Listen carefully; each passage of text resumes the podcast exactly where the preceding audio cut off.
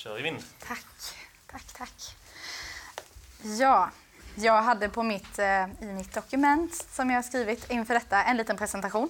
Men nu behöver inte jag dra det, för att ni vet ju redan lite om mig. Men eh, jag tänkte ändå ber berätta lite liksom vilken koppling jag har till eh, Puls och ELU. Eh, jag konfades på Breanäs 2011, ehm, faktiskt med Amandus. Uh, så det är så vi känner varandra. Um, men, um, och var mycket på läger efter det. Vi gick på påskläger, höstlovsläger, nyårsläger, Puls och alla de lägerna, återträffarna och sånt. Um, och jag kommer faktiskt ihåg en gång vi var på Brenäs och hade jag vet inte om det var påskläger eller höstlovsläger. Alltså, jag var så taggad på detta lägret. Jag var så taggad. Det var min eh, fristad på många sätt. Att jag var från Växjö. Vi hade ett gäng kristna vänner i Växjö. Men det var lite så när man fick komma till Skåne och träffa mina Skånevänner. Det var typ det bästa. Uh, mina ELU-vänner, uh, äh, mina konfa-kompisar. Um, så jag kom till lägret och jag bara Mm, vi ska maximera detta. Liksom. Det här ska vara det bästa. Jag ska ta vara på varenda liten sekund av detta lägret. Um, och kom ihåg att en kväll så var det så mycket kul som, äh, alltså, som hände. Och det var lite så här, lite av mina närmsta vänner var utspridda i olika rum. Så jag började typ så i stora salen och satt där och snackade med ett gäng och så bara Åh, fy vad gött, fy vad roligt detta är. Och så ser jag några gå upp för hallen, för er som inte har varit Brenas, förlåt, men det är ja, olika rum. Gå upp för hallen och sätta sig vid sofforna. Och jag bara, åh, vad hittar de på? Fy vad kul, de måste jag följa med. Så sprang jag upp till soffan och så satte jag mig där och bara, åh, de har det ju roligt liksom. Och så hör jag att någon gapflabbar i matsalen. Och jag bara, oh, men jag vet ju att någon är där. Liksom. Så jag bara, ah, men jag måste gå dit. Så gick jag till matsalen och så bara, oh, de har ju det så roligt här. Liksom. Oh, vad gött. Och så, så bara, nej men just det, vad hände i, i stora salen? Jag måste gå dit igen. Så gick jag till stora salen och så bara, oh, de har roligt här också. Fy vad gött liksom. Ja, verkligen, ja, alla har det roligt. Och, uh, ja, hela den kvällen så sprang jag runt mellan dessa tre ställena. Uh, jag sprang hit och dit och fram och tillbaka för att jag ville vara där det var som roligast. Eh, jag ville inte missa någonting. Ehm, och ehm, ja, kan jag säga faktiskt efter den här kvällen så var jag helt slut. Jag gick inte och la mig särskilt tidigt heller kan jag ju säga för att det var ju folk som skulle vara uppe. Uh, och då så ville jag också vara uppe för att jag ville inte missa någonting. Um, så att jag var helt slut. Och dagen efter så bara, vad hände egentligen? Vad var det egentligen? Som, vad, vad, vad, hittade jag på? Alltså det var ju kul, det var ju kul men jag missade ganska mycket av det roliga. Um, jag sprang runt lite här och där, var inte riktigt med på allting som hände. Kom liksom så här mitt i ett skämt eller något roligt och så bara, de skrattade och så bara ah, ja, ja, ja, typ så här, fattade inte riktigt vad som hade hänt heller, men jag var ju med i skrattet liksom. Um, jag led av det jag ska prata om idag. Jag led av FOMO. Fear of missing out. Rädslan att missa någonting.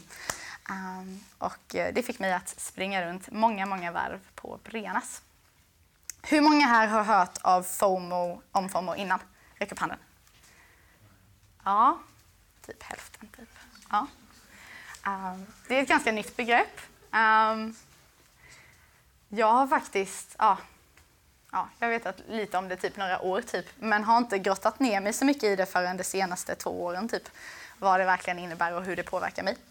Så jag tänker, då vi inte har en powerpoint, tänker jag så här, för er att hänga med lite så kan jag skriva en liten eh, lista på vad vi ska gå igenom.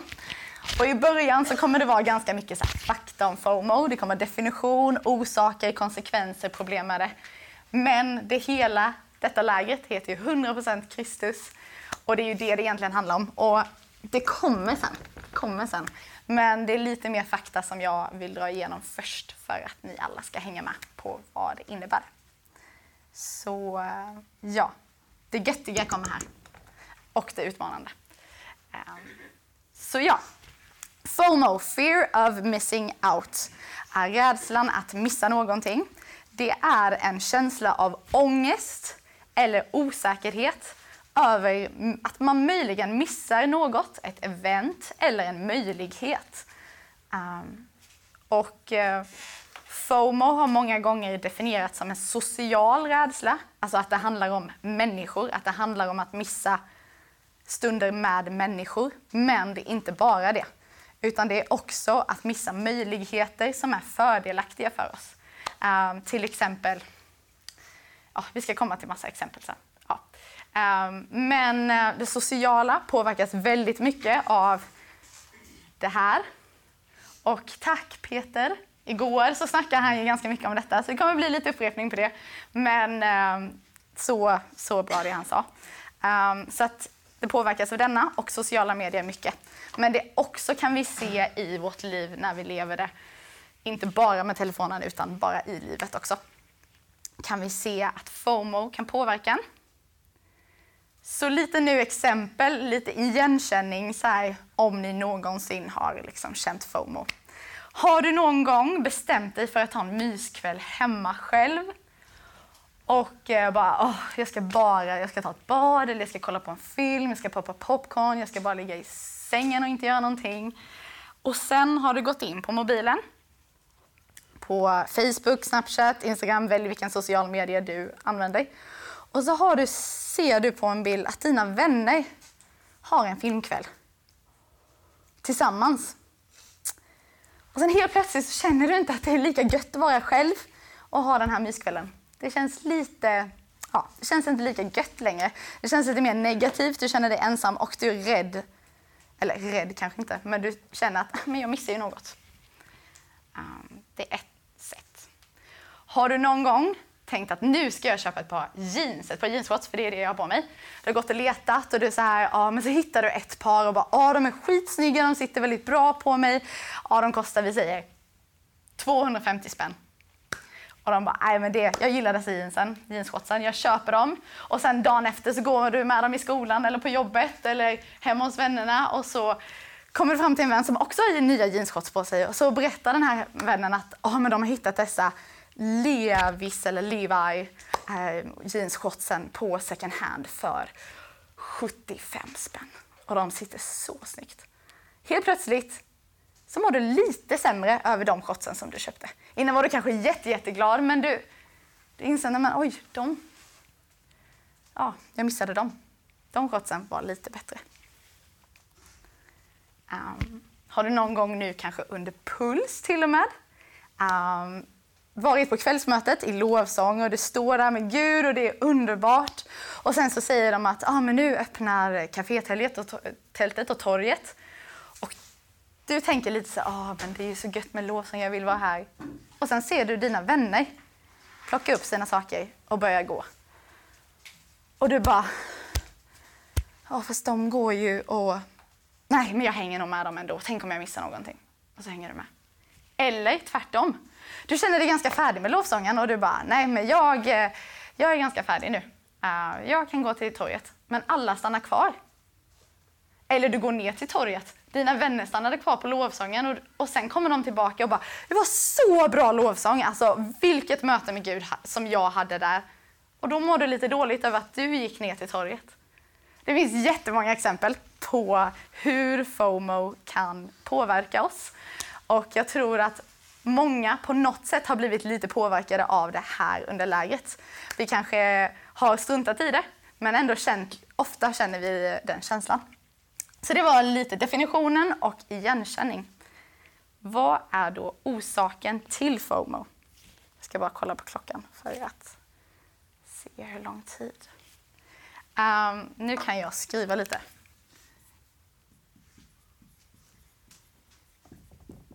Jag vet inte om ni antecknar, men om ni vill anteckna er så får ni verkligen skriva ner detta. Uh, information. I dagens samhälle får vi tillgång till mer information än någonsin innan, alltså tidigare. Um, det var någonting som Peter pratade om igår också, att smartphonen har inte funnits så länge. Um, den har faktiskt funnits, vi tänker så här, ja men den har funnits hur länge som helst, men det har den verkligen inte. Det är 2007 som den första iPhonen kom, 2008 som den första Android smartphonen kom. Um, och vi är inte, som människor, är inte vana vid detta. Vi har inte lärt oss hantera det. Vår mentala hjärna har inte ja, men, ja, men lärt oss vad ska jag göra med att jag kan söka upp nästan till all information här. att jag har detta i min hand, att jag har detta i min ficka hela tiden. Um, och uh, ja, uh, detta är vi inte, ja, vi är, vi är inte vana vid det. Vi vet inte hur vi ska hantera det. Våra kroppar, våra hjärnor har inte utvecklats eller har inte hittat ett sätt att verkligen cope with it, liksom. Uh, anpassa oss efter det. Så det är mycket information. Det är också många val. Uh, möjligheternas samhälle kan man kalla Sverige, uh, vårt samhälle här. Uh, utbudet är enormt. Förr, när mamma skulle köpa jeans, då fanns det tre par jeans. Det fanns de raka, det fanns de lite vida och så fanns det de jättevida. Um, det har hon berättat för mig. Sen var det, bodde hon på landet också så att jag vet inte. inte den bästa affären kanske. Men det fanns tre par jeans. Men hur många jeans finns det inte för oss att välja mellan idag? Hur många affärer finns det inte för oss att välja mellan idag? Det finns så många val. Um, och jag sökte bara på Mediamarkt hur många telefoner, mobiltelefoner de hade. Bara för att jag var lite intresserad. Bara, vi pratar ju ganska mycket om mobiltelefoner och sånt nu. Det fanns hundra mobiltelefoner att välja mellan på Mediamarkt i Växjö. Det här var liksom inte online, utan i Växjö fanns det hundra mobiltelefoner.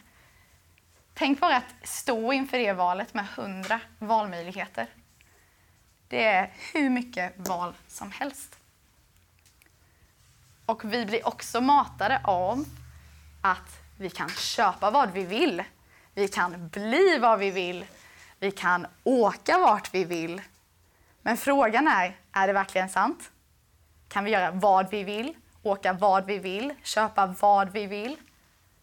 Och den andra frågan är, vad vill vi?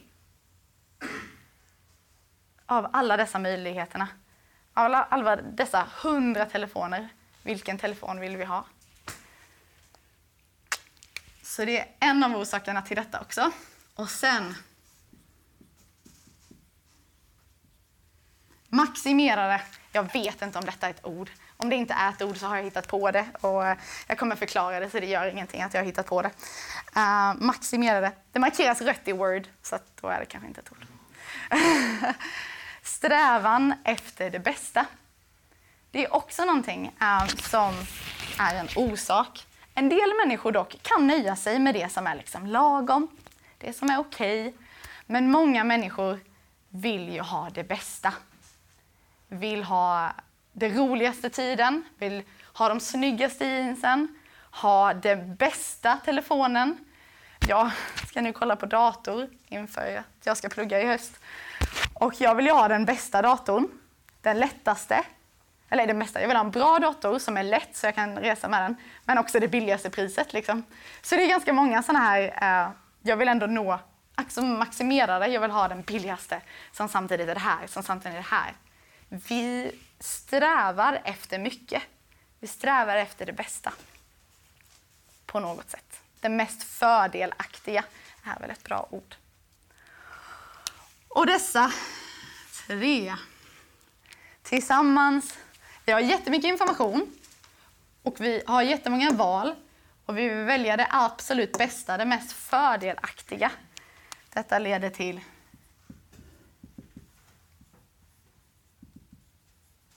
Vi jämför allting.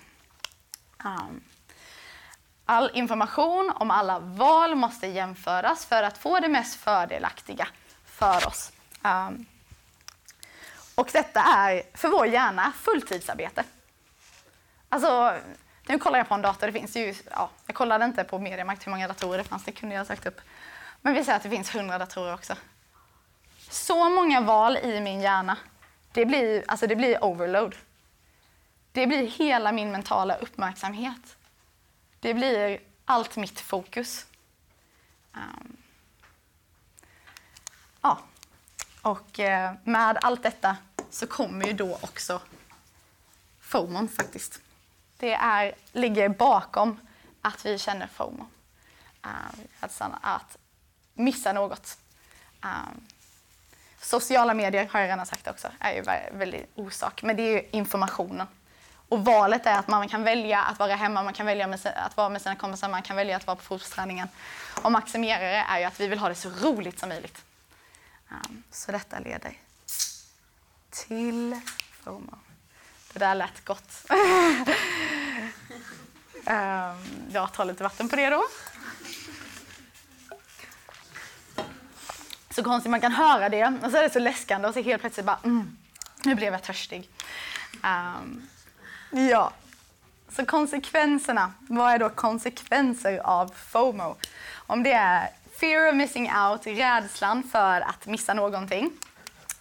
Jag har redan sagt lite. Det är ju en rädsla. Um, det är en känsla, um, känsla av ångest och osäkerhet. Um,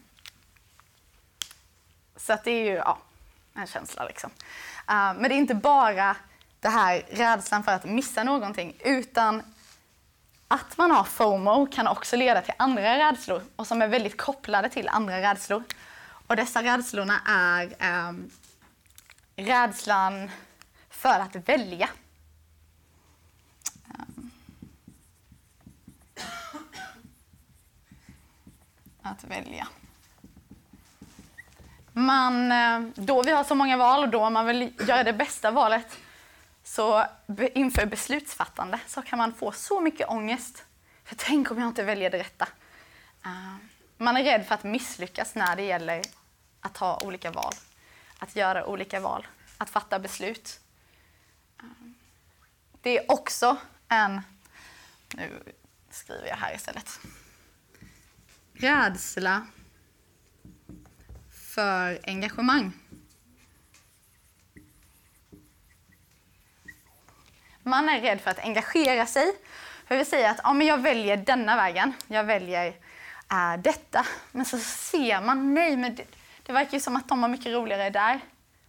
Man är rädd för att fullt ut lägga allt sitt fokus och all, liksom, jag ska vara här för att tänk om något annat händer någon annanstans som jag missar. Um, så det leder också till rädslan för att engagera sig i någonting. Um, och uh, ja, man har svårt att helhjärtat um, gå in i något. Um, ja, nu tänker jag så här. Nu har jag pratat lite om ja, men vad FOM är och vad kan orsakerna och konsekvenserna och så vara. Nu vill jag att ni ska vända er två och två till er granne och om ni på denna tiden, om ni inte har det så är det lugnt, men om ni på denna tiden har hittat, kommit på en, ett ställe, en situation där ni kände FOMO, så får ni jättegärna berätta det för en granne. Ganska kort.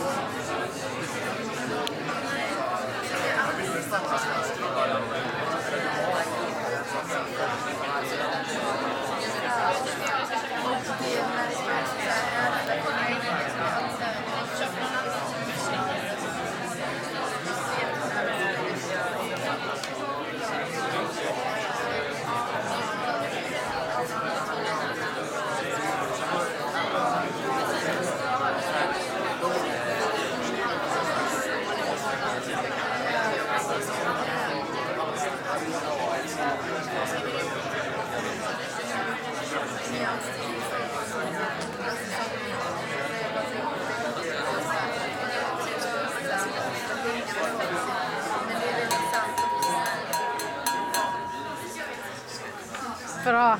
Skolklockan ringde igen. Hade, var det många som hade några tillfällen när ni redan nu kan säga oj, där hade jag FOMO? Ja. många som nickar. Ja. Ehm, det påverkar oss ganska mycket. Det påverkar mig ganska mycket. Det gör det verkligen. Så ja, redan nu så tror jag att vi kan tänka att det kanske inte är så positivt med FOMO, men ändå så tänker jag att vi kan lite så här, hmm, vad är problemet med FOMO? Här har vi redan konsekvenserna och vi, vi förstår nog redan att det inte är så positivt, men vad är problemen med det? Det är ju en rädsla och en ångest, en känsla av osäkerhet. Redan där, det är dåliga känslor. Vi eh, ska inte, det är inte meningen att vi ska leva med de känslorna. Det är ingenting som eh, förgyller vårt liv. Ehm, så det är ganska lätt att se att det är negativt. Ehm, men som Peter sa igår så tar det också vår uppmärksamhet. Um,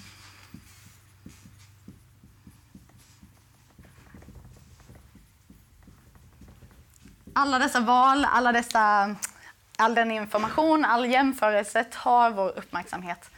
Det blir verkligen overload. Vår, eh, jag lyssnade på en podcast där det stod, eller där det stod, där de sa att vår hjärna kan hantera tre valmöjligheter samtidigt. Fattar ni hur trög vår hjärna är egentligen? Vi, vi förstår inte det, men vadå? Alltså jag ska kolla på en dator och det finns typ hundra datorer att välja mellan. Och min hjärna kan hantera tre åt gången.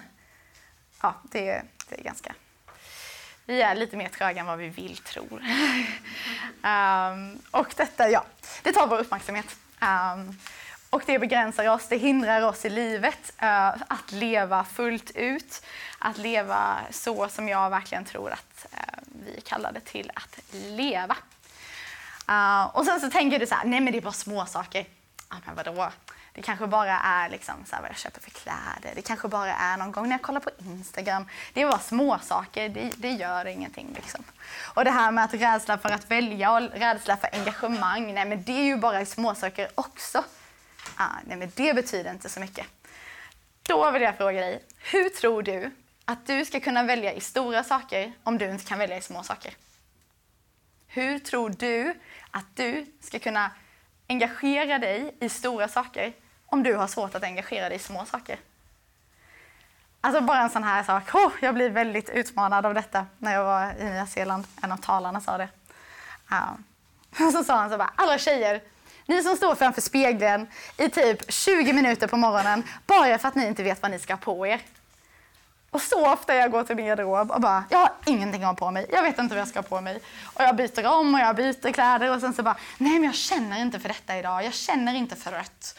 Uh, bara, jag tänkte faktiskt idag, så tog jag på mig denna och sen så bara, är inte det lite för mycket idag? Sen så bara, nej jag ska minsann inte, jag ska välja. Nu har jag valt de här kläderna, nu ska jag välja. Um, nej men just det att vill vi kunna välja i stora val så måste vi öva på att välja i små val. Vill vi kunna engagera oss i stora saker så måste vi öva på att också engagera oss i små saker. Och för att kunna engagera oss och välja små saker och stora saker så måste vi lägga undan FOMO. Vi måste på något sätt bara strunta i det um, och uh, ja, rikta vår uppmärksamhet, vår uppmärksamhet på annat håll. Så ja, nu var det lite fakta och lite mer bara direkt om FOMO, men också hur det påverkar oss. Liksom.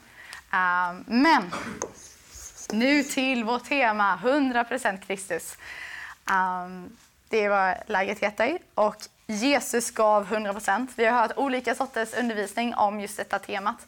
Hur vi kan ge och hur Jesus gav. Men Jesus gav 100%.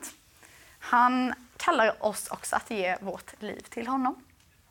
Eh, fullt ut till honom. Eh, han vill att vi ska lägga vårt liv i hans händer. Eh, och han vill ge oss livet med stort L. Livet. Ehm, men det är när vi har lagt vårt liv fullt ut i hans händer. Ehm, och nu vill jag att, har ni er bibel så ta upp den, för nu ska vi slå lite.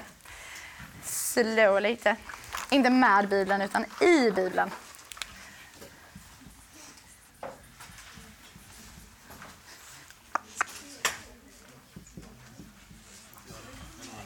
Här blir det en liten sån här, ja, det är inte jättemånga bibelord, men bara väldigt så här, bra, tydliga bibelord uh, när det gäller detta med 100% Kristus och att han vill att vi ska ge honom 100% också. Matteus 7, 13 till 14.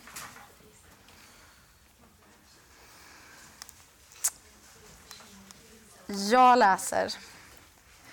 Ehm, gå in genom den trånga porten, ty den port är vid och den väg är bred som leder till fördärvet och det är många som går fram på den. Och den port är trång och den väg är smal som leder till livet.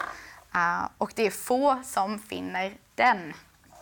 Livet med stort L. Det står inte med stort L här, men jag säger att det står med stort L. Livet med stort L, den är trång, den vägen. Um, och vi ska välja den. Det är lite, har med det här att göra. Vi kommer lite mer till det sen. Men vi ska välja den trånga vägen. Sen vill jag att vi ska slå upp Johannes evangeliet 14 och 6.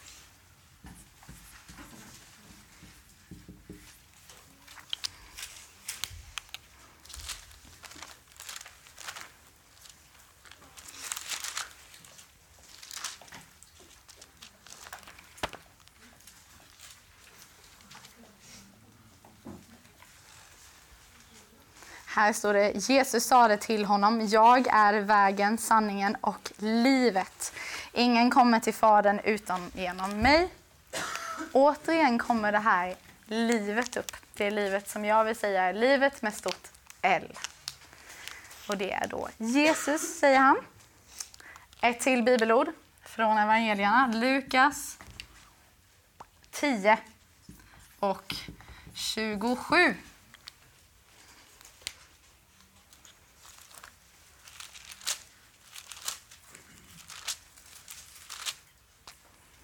Detta är ett eh, väldigt, väldigt känt bibelord. Um, Lukas 10 27, det dubbla kärleksbudet kan man också kalla det. Du ska älska Herren din Gud av hela ditt hjärta, av hela din själ, av hela din kraft och av hela ditt förstånd och din nästa som dig själv.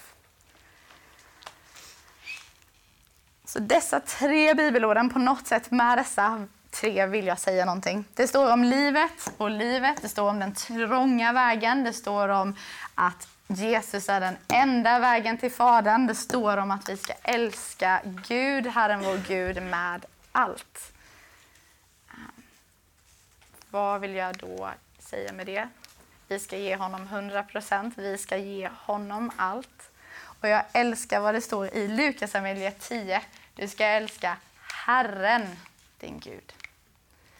Inte bara du ska älska Gud, utan du ska älska Herren, din Gud. Um, och då kan man fråga sig, vad eller vem är Herre i ditt liv? Ehm, ja, jag skriver inte det. Vem eller vad är Herre i ditt liv? Och återigen tack Peter för det som är Herre i ditt liv är också det du lovsjunger, det du prisar, det du ärar. Det du lovsjunger, prisar och ärar är också det du ger uppmärksamhet. Det du lägger ditt fokus på, eh, det du lägger eh, hela ditt hjärta, hela din själ, hela din kraft och hela ditt förstånd. Detta handlar också om detta det vi har blivit givna. Som är helt underbart men samtidigt också bara kan tänka på tre valmöjligheter samtidigt. Uh, även med det lovsjunger vi och prisar. Uh, så vem är Herre i ditt liv?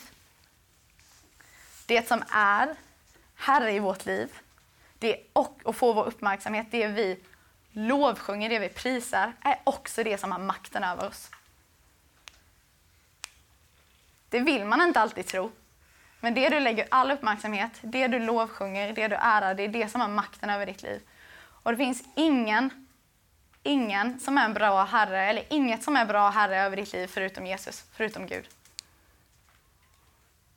Den här ska inte vara herre över ditt liv. Den ska vara tjänare. Du kan använda den, men den ska inte vara herre i ditt liv. Och då, bara en sån sak, begränsar FOMO ditt liv med Gud? Gör FOMO att det är något annat som är herre i ditt liv? Rädslan att missa någonting? Rädslan att alltid vara uppdaterad? Eller jag vill alltid vara uppdaterad. Jag vill alltid jag är rädd att ja, men det kan vara ens vänner. Liksom. Det kan vara bekräftelse. Det kan vara bara det att jag vill ha det bästa. Och det är det fokuset man har. Jag vill ha det bästa. Vad är det som du ger all uppmärksamhet? Vad är det som, ja, som du begränsar eller ger din tid? Och begränsar det ditt liv med Gud? Hindrar det dig att leva fullt ut för honom? Och jag sa det innan, FOMO kanske vi bara märker i små saker i vårt liv nu. Men då är det bästa att vi redan nu vi lär oss hur vi hanterar det så att det inte sen styr oss i de stora sakerna också. Um. Så nu, det har jag inte skrivit här. Hjälp och hantering. Det finns en väg ut ur FOMO. Även fast vi alla känner att vi någon gång har blivit påverkade av det så är det inte så att åh nej, jag har känt FOMO några gånger, till och med under lägret. Det är kört för mig. Jag fokuserar på allt annat än Gud. Jag är dömd. Det är inte så. Uh, utan det finns verkligen hjälp och hantering för att komma ur FOMO och för att bli mer, uh, ja, fokusera mer på Herren, ge han vår uppmärksamhet. Så ja, jag suddar. Jag vet inte om det hjälper er att se, oj, att se det skrivet. För mig hjälper det väldigt mycket att se det skrivet. Också att skriva det. Jag lär mig genom att prata, läsa och skriva. Så jag skriver lite. Um, första saken är... Första är medvetenhet. Och efter detta seminariet tror jag att vi alla är lite mer, mer medvetna om vad FOMO är och i vilka situationer i livet som vi kanske berörs av det, påverkas av det, hindras av det. Um, på vilka sätt det begränsar oss. Och det är verkligen första steget. Jättebra. Creds to you all. Jag, ni har kommit långt redan nu. Um, och um, jag tänker så här bara, fundera på det lite mer. Uh, bara så här, kanske efter detta kanske ni kan sätta er ner lite med Gud och bara fråga honom var har, har jag form av mitt liv? Var, när känner jag efter detta? Liksom? Eller när blir jag rädd för att missa någonting? Um, ni kommer säkert stå i situationer och sen så bara må jättedåligt och sen helt plötsligt bara, vänta lite, det här är ju FOMO. Just det, nej men det här ska jag inte, det här ska jag inte uppmuntra. Liksom. Um, erkänna för er själva att ni påverkas av det. Det är jättebra. Stå inför sanningen. Nästa skulle jag säga är prioriteringar. Oj, vad fint. Prioriteringar. Det handlar om prioriteringar. När vi har så mycket val, när vi har så många saker vi kan göra, så är det verkligen, gäller det att prioritera. Um, jag uppmuntrar er alla också att ta tid att sätta er ner och göra en lista. Väldigt så här, praktiskt, väldigt liksom så här, man får den nere i punkten. Vad prioriterar du i ditt liv? Vad är nummer ett i ditt liv?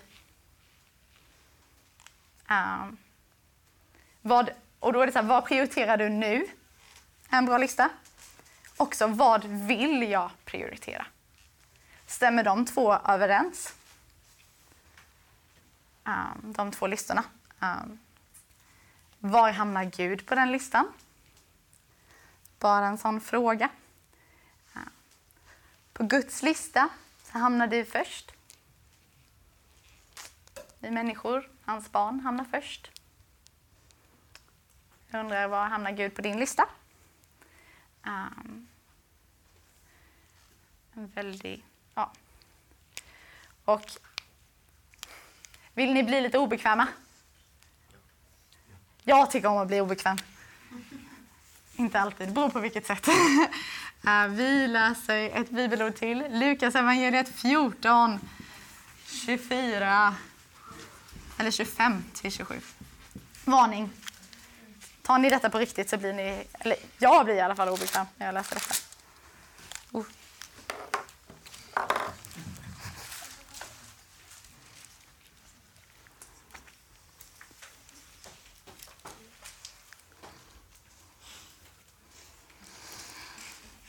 Jag läser. Ehm, Stora skaror följde honom och vände sig om och sade till och han vände sig om och sade till dem, om någon kommer till mig och inte hatar sin far och sin mor, sin hustru och sina barn, sina bröder och systrar, ja, sitt eget liv, så kan han inte vara min lärjunge. Den som inte bär sitt kors och följer mig kan inte vara min lärjunge. Det här gör mig så sjukt obekväm. Um, men uh, ja, det är vad Jesus säger. Och med att hata så, så vill jag också säga att det betyder inte att man liksom säger ja, men jag ska hata min mamma. Det handlar verkligen inte om det. Men uh, det handlar om prioriteringar. Någonting som jag verkligen skulle kunna ha gjort, som jag inte har gjort, ajabaja mig, är att jag inte gått in och kollat i grundtexten. vad hata verkligen är. Men det gör det. Vad betyder det ordet hata? Vad menas med, eh, alltså det står ju om någon kom dit, eller om någon kommer till mig utan att hata sin far och sin bror, ska man inte, ska, menar man att man ska hata? Ja, eh, eller ja, ja, inte hata då, men typ att man ska välja han före. Ja. Alltså att man, det är det här, ta ditt liv, eller ta upp ditt, ta upp ditt kors. Den som inte bär sitt kors och, inte, och följer mig kan inte vara min lärjunge. Att man ska bära sitt kors att på något sätt, alltså det här är jätteobekvämt, förlåt mig, men eh, det, man ska bära sitt kors, man ska faktiskt välja Gud först. Och det var någonting som Peter sa, om jag väljer Gud först och älskar honom först, det är så jag älskar min mamma bäst. Och på det sättet, det handlar inte om hata och liksom så här, jag hatar min mamma, jag vill inte vara i närheten av henne. Liksom. Det är verkligen inte det, men det handlar om prioriteringar. Det handlar om vilken, vem som står etta på vår lista. Um, faktiskt. Så ja, prioriteringar. Och vad man än väljer så är det också inte bara att ja, men jag skriver Gud på min första lista, och sen så, eller etta på min lista, men sen så har man det lite sådär halvhjärtat. Utan Gud vill också ha oss helhjärtade. Välj helhjärtat. Um, så prioriteringar. Det är väldigt bra. Sen eh, trean, det här är väldigt, väldigt mycket mer praktiskt. Det är frågan mobil. Eller just vad man ska göra med sin mobil. Uh, som jag sa innan, allting som inte är Gud är en bra tjänare men inte en bra herre.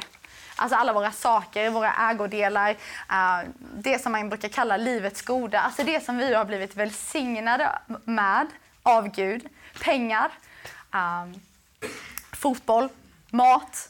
Alltså det är jättebra tjänare. De kan hjälpa, alltså det kan hjälpa oss jättemycket. Men när det blir herre i vårt liv så är det inte bra längre. Ehm, då får det makten över oss. Och det är likadant med vår mobil. Eh, det är en jättedålig herre.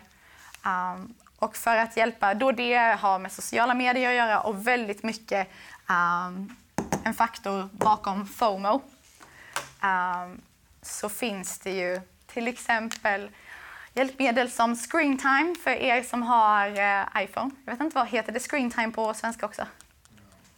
Eller på en svensk... Skärmtid heter det på svenska också. Um, skärmtid, den appen, uh, eller inställningen, är jättebra. Jag faktiskt efter gårdagens uh, undervisning så gick jag in och ställde att jag inte kunde öppna några typ så sociala medier-appar förutom sms och messenger om någon skriver, före klockan tio på morgonen. För det gör att jag har ofta min stund med Gud på morgonen. Um, och det är så lätt när man typ såhär, ah, men nu ska jag bara sätta på lovsång typ. Så bara, oh, jag ska bara gå in och kolla på Instagram först. Typ. Um, men det var någonting som jag kände, oh, det här ska jag göra nu liksom. Och det finns olika saker som kanske fungerar på er. Kanske er stund där precis innan ni går och lägger. Då kan man sätta att man inte går in på några sociala medier från 20, alltså 29 och framåt kanske. Det kanske finns en del appar som du måste sätta tidsbegränsning på, en timme per dag. Nej, inte en timme. Uff, det kanske är mycket. Jag vet inte. Ni bestämmer. Ni vet hur mycket ni lägger på det och hur mycket ni äh, äh, ja, borde göra. Äh, ta bort appar. Det är också väldigt bra. Logga ut så att det blir mycket svårare att, lo att logga in och bara kolla. Jag vet inte om ni är som jag, men så många gånger öppnar jag, tar jag ur min mobil ur fickan, så sjukt omedvetet, tar ur min mobil ur fickan, trycker in koden, går in på Instagram, scrollar. Och där märker jag att, vänta lite, jag är ju inne på Instagram. Vad har jag gjort? Detta är liksom redan inbyggt i min hjärna. Jag är verkligen beroende. Alltså det är så läskigt, men jag är beroende. För att jag kan gå in på Instagram utan att medvetet göra ett beslut. Om man då är utloggad ur Instagram så reagerar man där bara, vänta lite, var är mitt lösenord? Jag kommer aldrig ihåg mitt lösenord. Och då så blir det mycket svårare att logga in. Um, och bara en sån sak kan hjälpa. Um, någonting som jag också har testat på är mobilfasta. Nu i somras, äh, i somras, denna sommaren hade jag fem dagar utan mobil. Um, och jag var i min stuga ute på landet och tro det eller ej, det var så befriande. Jag hade en liten stund där jag blev lite orolig för att jag hade inte varnat några av mina vänner att jag skulle ha mobilfasta. Och vi hade typ pratat om att träffas den veckan. Så det var ett tag som jag var så här, de kanske tror att jag är död. Eh, uh, bara med lite så här, eller så här, typ att, ja, någonting. Um, och det var faktiskt så att en av dem oroade sig för mig. Um, och de bara, ja nej men alltså du svarade ju inte på tre dagar, för då hade de smsat mig andra dagen och de bara, ja och sen så träffade vi ju dina föräldrar i kyrkan så sa de att du var okej. Okay. Um, ehm, men på något sätt ändå så här, man kan verkligen skriva så här, nu tar jag mobilfasta. Eller ta mobilfasta en dag, ta en halv dag. Bara att utmana er att liksom lägga undan den, att leva utan den kan verkligen hjälpa er på traven. Um, så det var lite mer praktiska hjälpmedel. Um, och ja, när det gäller så här val och engagemang Alltså tänk på att göra små val. Tänk att göra små, små val fortare liksom, och bestämma er och helhjärtat hålla fast vid de valen ni tar. Uh, visar det sig det sen att det är fel, det är okej. Okay, liksom. Då kan man såklart byta eller välja om. Liksom. Man får en andra chans. Men um, lär er öva på att ta snabba, små beslut och val snabba men kanske också grundade, alltså verkligen grundade i någonting. Och gör den här listan, prioriteringslistan och eh, kolla på den, sätt upp den någonstans där ni ser den ofta liksom. Och bara så här, men vad är det jag prioriterar i mitt liv? Lever jag så här nu? Lever jag efter dessa prioriteringarna? Eller vad i mitt liv kan jag ändra för att prioritera bättre? Typ. Eller leva mer efter de prioriteringar jag vill göra.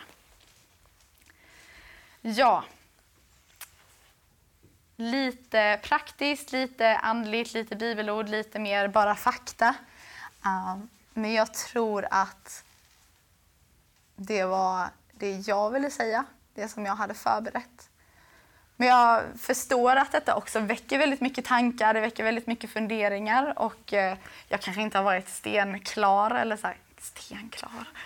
Vad är det där för ordspråk? Eller för ord? Jag kanske inte varit riktigt klar heller i allting jag har sagt. Så är det några frågor? Är det några frågor så får ni jättegärna liksom så här, bara rakt på nu. Nej, okej. Okay. Ni får jättegärna komma och prata med mig. Uh, ni får jättegärna också så bara ja, men prata med varandra, prata med um, om ni träffar Peter så har han säkert också väldigt bra tankar om detta. Eh, om, och sätt er ner och be över det. Vad säger Gud? Vad säger Gud? Sätt er ner och be, läs i Bibeln. Vad, eh, vad kallar han er till att göra? Hur kallar han er till att mer fullt ut leva för honom? Eh, att verkligen ge all er uppmärksamhet till honom. Det ser väldigt olika ut för alla. Eh, men ja, vi ber. Eh, Gud, tack för att du är här mitt ibland oss. Um, tack för att du gav allt för oss. Tack för att vi är nummer ett på din prioriteringslista. Att du verkligen gav din son, att han gav sitt liv för oss. Att du Jesus gav ditt liv för oss för att vi skulle få leva livet med stort L. Livet utan ångest, livet utan rädsla. Um, livet där vi kan verkligen fokusera vår uppmärksamhet. Vi kan sätta vår uppmärksamhet på dig, Gud, som ger oss livet. Men också på det som betyder mycket i livet. Relationer, våra vänner, vår familj. Ah, det som gör oss gott. Gud, jag bara ber att du ska hjälpa oss alla, att du ska tala till oss alla hur vi kan um, ja, men, lägga undan FOMO, ignorera det eller bearbeta Um, så att vi inte känner det lika mycket eller att det inte påverkar oss lika mycket i livet. Jag ber att du ska visa oss hur vi ska göra för att mer prioritera rätt, prioritera det som är uh, verkligen värt, det som betyder någonting för oss, Gud.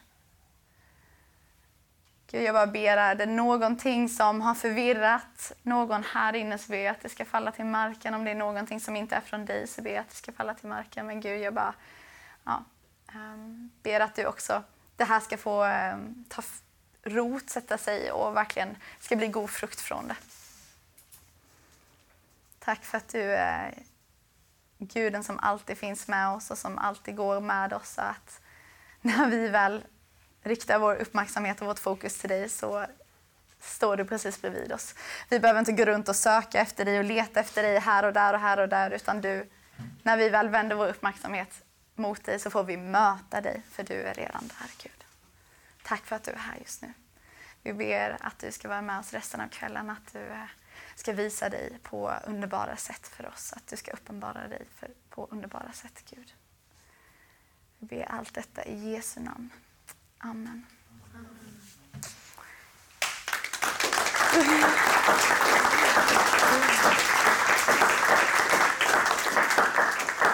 Jag har en fråga. Ja. Om du skulle eh, kon konkretisera den situationen som du inledde med, liksom.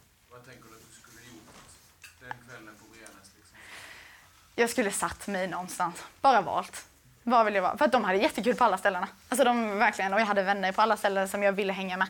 Men jag skulle bara valt för att då så skulle jag mer, ja men jag skulle fått vara med. För just nu så hörde jag ja, men lite skämt, lite roliga berättelser, var med på en, typ en runda i ett kortspel och sen så alltså runt, utan bara sätta mig verkligen, det här engagera sig också. Jag skulle välja, men sen också helhjärtat bara sätta mig ner och bara okej okay, nu är jag med er.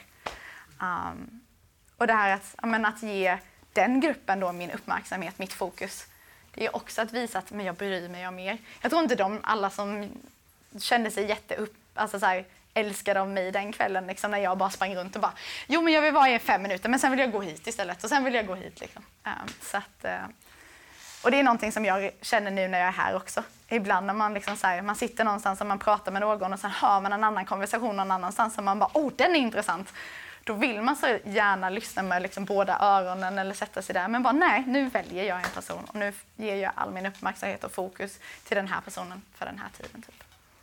Så, ja. Yes, tack.